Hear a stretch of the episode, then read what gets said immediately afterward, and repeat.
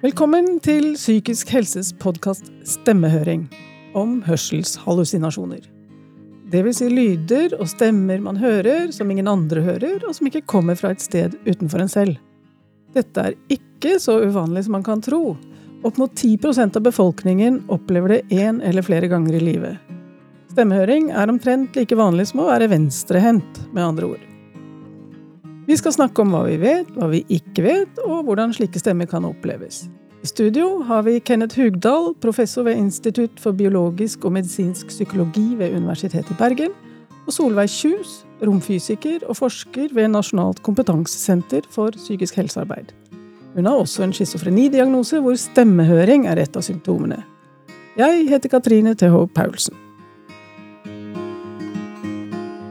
Først, hva er hørselshallusinasjoner, Kenneth Hugdal?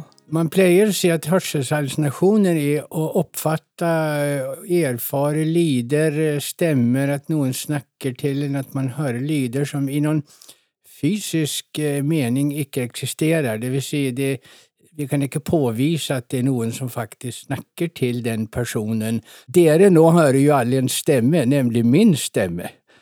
Og det er jo ikke så uh, rart at dere opplever at jeg hører det, for vi, vi kunne jo måle lydbølgene uh, som treffer deres øre, og som gir opphav til de uh, impulser som går videre inn i hjernen, og som treffer de sentra som har med språkopplevelse å gjøre.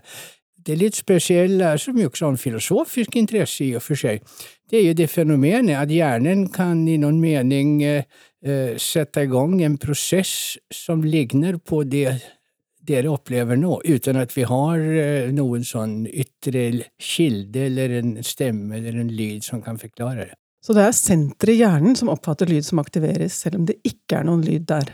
Ja, men hvorfor det aktiveres når det ikke finnes lyd utenfra, det, det er jo det store 10 000 kroner spørsmålet. Mm. Så det vi kan se, er at det blir aktivert. Men hvorfor i all verden det blir det om det samme området? Og det er det som skaper hvorfor man opplever det som en stemme. Eh, ellers kunne man jo ha opplevd det som hva som helst. Ja, og når skjer det? Ja, det, det kan jo skje uh, til døgnets alle tider, men det er vel kanskje vanligere at man opplever det i våken tilstand, også om det forekommer uh, av og til i, i drømmer, kanskje litt mindre vanlig. Stemmene kan være korte episoder, det kan være noen minutter, noen sekunder, så kommer det igjen, det kan være lengre perioder. Det varierer veldig i løpet av en dag med frekvens, eh, intensitet, lengde på hver episode som det kan alle oppleve det? I utgangspunktet så tror jeg at vi mener nok eh, så svaret på det vil være ja.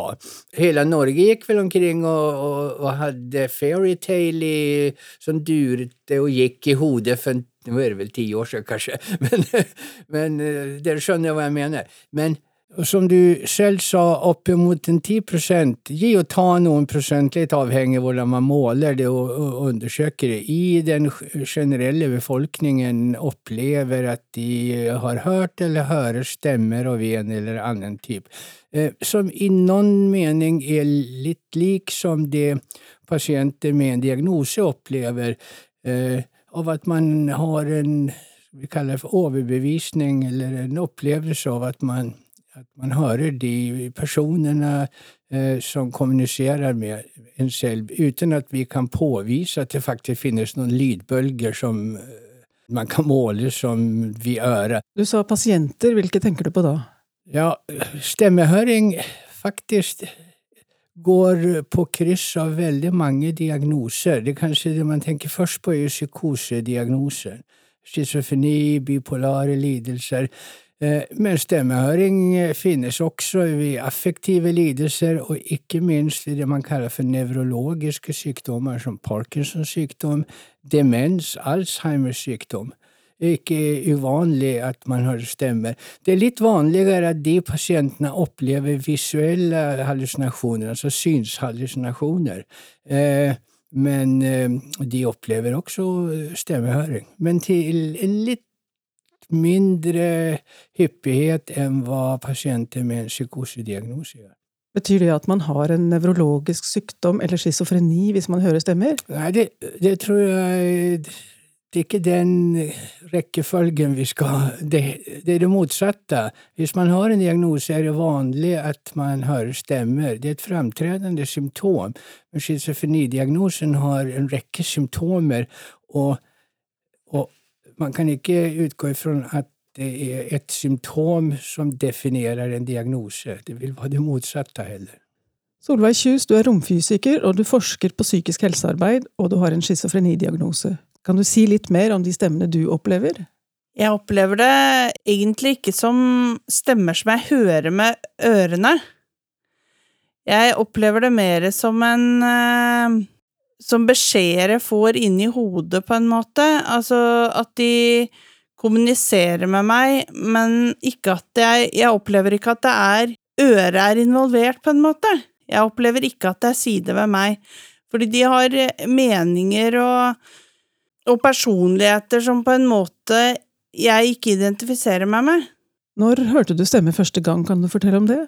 Det var eh, da jeg var 15 år. Altså, det er da 30 år siden eller over 30 år siden. Jeg hadde blitt mobba på skolen i mange år, på barneskolen, og jeg endra meg for å tilpasse meg mobberne. Og så når vi var 14, så skulle jeg flytte fra et sted i Norge til et annet sted, eh, og tenkte at da skulle jeg perfeksjonere det spillet sånn at eh, gjør et godt førsteinntrykk. For det er viktig å gjøre et godt førsteinntrykk når man flytter. Og så um, gikk det fint et år, og så plutselig da, altså ett år etter at jeg hadde flytta, så ble det masse krangling i hodet. Jeg opplevde det som litt sånn uspesifikk krangling, egentlig. At det var noen som ville meg noe, og som drev og prata og var sinte for at jeg ikke var flink nok sånn og sånn, eller ikke gjorde sånn og sånn. Jeg sa til en lærer av meg da noen måneder seinere at eh, det var så mye krangling i hodet. Da så han rart på meg, og så tenkte jeg oi, sånt sier man ikke. Dette her var ikke noe man prater om, tenkte jeg da. Så snakket du ikke mer om det? Nei, ikke før det var gått nesten ti år. Og det var en vanskelig tid. Gå rundt og bære på det aleine, det var vanskelig. Det står nei på hånden din? Ja, det er ikke så synlig nå, men man kan så vidt se det. At jeg risper nei i hånda mi, eller på håndbaken, når eh, jeg har det vanskelig for å forhindre at jeg gjør dumme ting fordi han maser. Jeg har en stemme i hodet som maser om at jeg skal skade meg, og det er ikke noe ålreit. Og da stopper du, da? Ja. Det hender det hjelper. Kenneth Hugdal, hvordan oppstår stemmene helt teknisk, for du kan se det med hjerneskanning? Stemmene oppstår i, i, hjernen som all form av uh, stemmehøring. Når dere hører min stemme nå, gjennom at uh, nerveceller uh, reagerer. Vi kan ikke oppleve noe uten at det finnes noen nerveceller som også reagerer til det. Og nerveceller må ha tilførsel av eh, drivstoff, og drivstoff transporteres til nervecellene med blodet. Det vi gjør, er at eh, vi måler hvilke områder i hjernen som eh, får mer blod til seg når personene opplever og sier at de personene er inne i hodet hos de når de ligger inne i skanneren hos oss. Og det vi har sett, da, er at det går mer blod til det området i hjernen som har med taleopplevelse å gjøre. Det vil si at når man registrerer at man, at man snakker med noen, eller noen snakker til, til en. Og det er i den bakre delen av eh, tinninglappen. Og det betyr at, at nervecellene i det området faktisk er mer aktivt når man opplever eh, stemmene, for da må de ha mer blod. Er det mange som er glad for å se disse bildene? Ja, det varierer, men de fleste syns det er litt spennende og litt interessant uh, å være med på det. Men det er veldig viktig. Vi driver jo med en sorts grunnforskning. Vi prøver å forstå eh, finne ut hvor i hjernen oppstår det, det merkelige fenomenet. Og det har jo da i et lengre perspektiv betydning kunne vi forstå hva det er som gjør at nervecellene aktiveres når det egentlig ikke skal det. at vi kan forstå kemin bak det. Så kunne vi tenke oss også å få fram nya terapeutiska interventioner som går kanskje direkte på hallusinasjonene heller enn på diagnosen i seg selv. Er det en motsetning mellom å se de elektrokjemiske reaksjonene og psykiske reaksjoner? Er det på en måte ikke psykisk hvis stemmene kan registreres? Det er jo et stort filosofisk problem som du tar opp nå, men jeg ser ikke noen motsetning i det. Jeg, jeg mener at vi må være litt forsiktige og sette noen likhetstegn mellom en psykiske reaksjoner Vårt mentale liv er ikke det samme som eh, eh, det vi kan se og måle med, med de metodene vi har, altså hva nervecellene gjør. Å andre siden så er vårt mentale liv egentlig heller ingenting annet enn hva hjernen gjør. Alt kommer ifra hva de nervecellene gjør. Å forstå sammenhengene mellom de to sidene av eh, vårt åndelige liv, eh, der har vi nå ikke riktig den kunnskapen i dag. Solveig Kjus, hvilken rolle spiller det for deg at man kan se bilder av lyder i hjernen? Jeg syns det er ganske fascinerende, som fysiker, at man faktisk kan se det. Men samtidig så syns jeg det er litt eh, Det er også litt skremmende, syns jeg, for det hva er egentlig virkelig? Er det sånn at disse personene som jeg da kommuniserer med, at de virkelig fins, ikke sant? Er det For jeg prøver egentlig å å si til meg selv at dette er sykdom, dette er ikke noe jeg trenger å forholde meg til, og prøve å, å på en måte ha avstand fra det, da. Og så Men hvis det er sånn at det virkelig fins, så er det litt skremmende. Men du lever med disse stemmene, du har gjennomført en lang utdanning og har flere jobber. Kan de også være en ressurs? Ja, jeg har alltid tenkt Da jeg tok doktorgraden min, jeg, og helt siden da, så har jeg tenkt at jeg hadde ikke klart den doktorgraden uten den øh, ene stemmen, hans strenge stemmen. Altså, jeg hadde ikke klart doktorgraden uten han. Det er hans fortjeneste at jeg har den doktorgraden har jeg alltid tenkt. Nå er det mange som ikke er helt enig med meg i det, men, men jeg tenker det at uh, den drivkraften som han er, som han har drevet meg fram gjennom de studiene, det hadde jeg ikke klart uten han. Men så var det jo sånn at uh, når jeg uh, etter hvert så ble mas i huet så mye, og jeg blei så sliten at jeg blei delvis sykmeldt og etter hvert slutta å jobbe. Eh, og var utenfor arbeidslivet i mange år, og, og han eh, blir jo da mer sint og mer frustrert og ville ha meg til å ta livet av meg og sånn på grunn av det at jeg ikke ikke var så flink og dugde lenger, da. Kan det være farlig at stemmer befaler deg til å gjøre visse ting?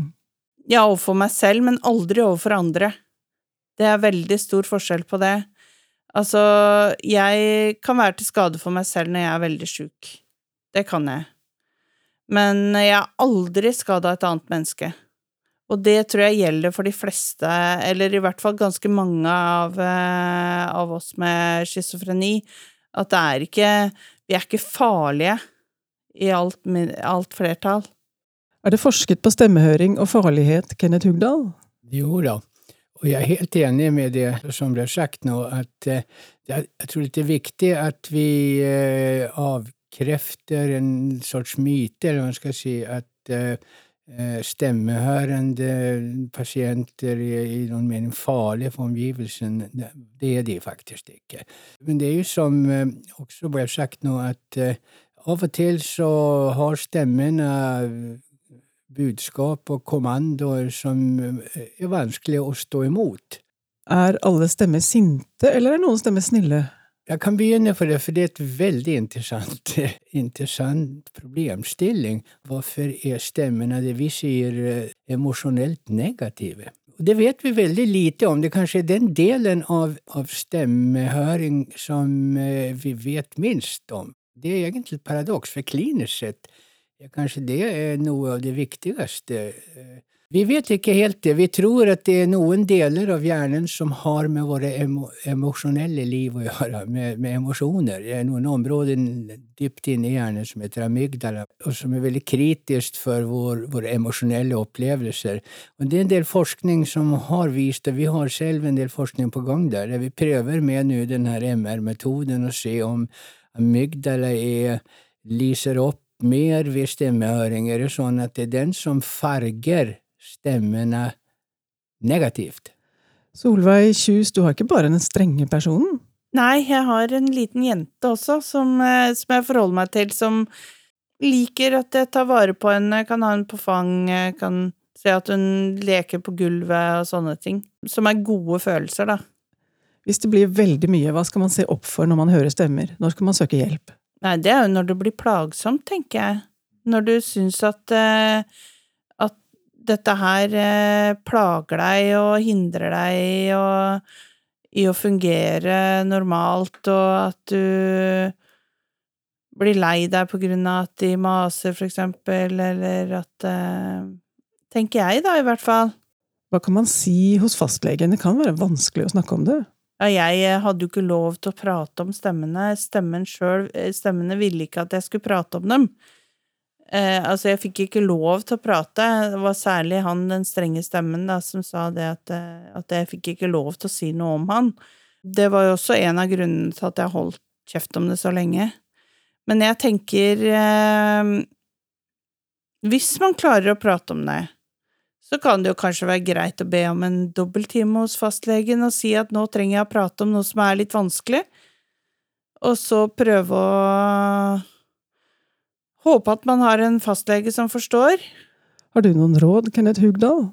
Nei, jeg er helt enig, helt enig med det som, som, som, Solveig sier her. Man kan jo også tenke seg at man kan ta kontakt med psykolog eh, for en konsultasjon, sånn sett. Men det vanlige vil jo være at man går gjennom fastlege. Vi begynte eh, med det første spørsmålet som du stilte, var jo, eller du sa at det var jo omtrent like vanlig å høre stemmer som å være venstrehendt, og det er i noen mening helt sant. Det, det ligger rundt 10% i begge de, de tilfellene. Hva gjør du når det er for plagsomt? Jo, jeg prøver å tenke at dette her eh, ikke er noe jeg trenger å gå inn i, på en måte. Altså at jeg prøver å distansere meg litt fra det.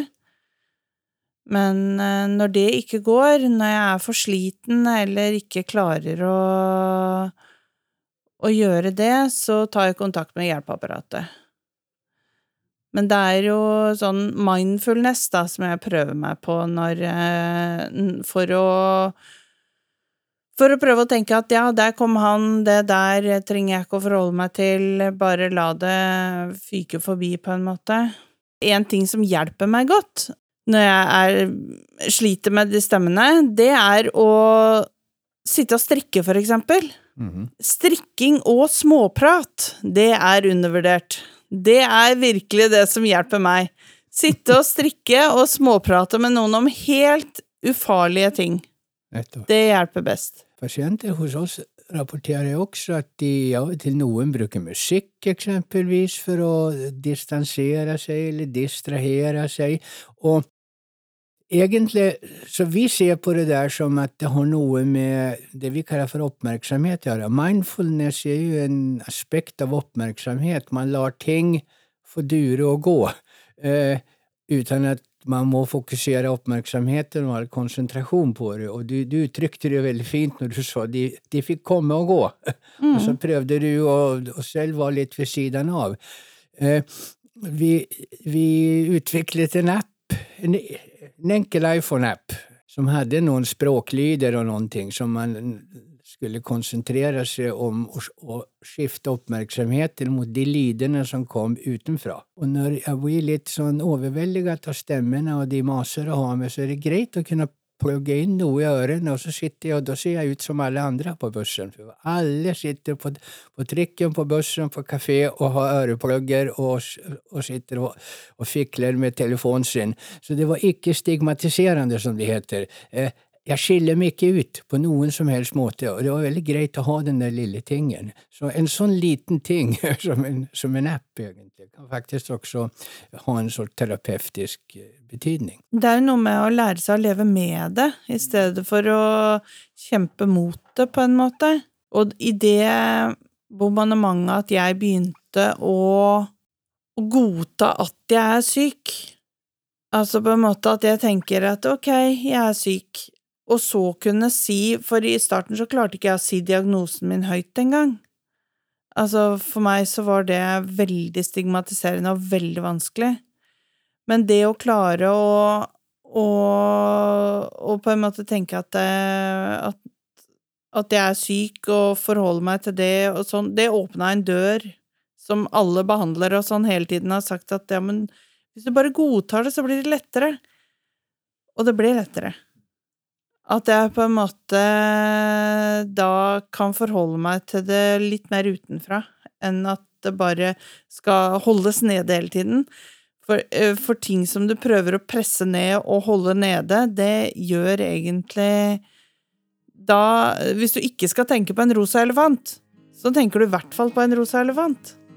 Det er vel et godt råd til alle, å godta seg selv, rett og slett?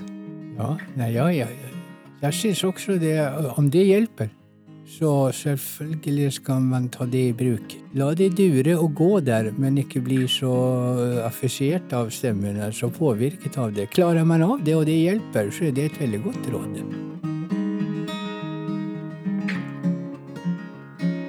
Du kan lese mer om forskning på stemmehøring på nettsiden fmriuib.no.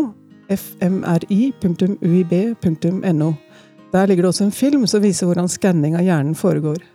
Du kan også lese om stemmehøring og mange andre temaer på nettsiden til Rådet for psykisk helse, psykiskhelse.no. Denne podkasten er utgitt av Rådet for psykisk helse med støtte fra Ekstrastiftelsen. Produsent er Vrang Produksjon. I studio satt Kenneth Hugdal og Solveig Kjus. Redaktør og programleder er Katrine TH Paulsen.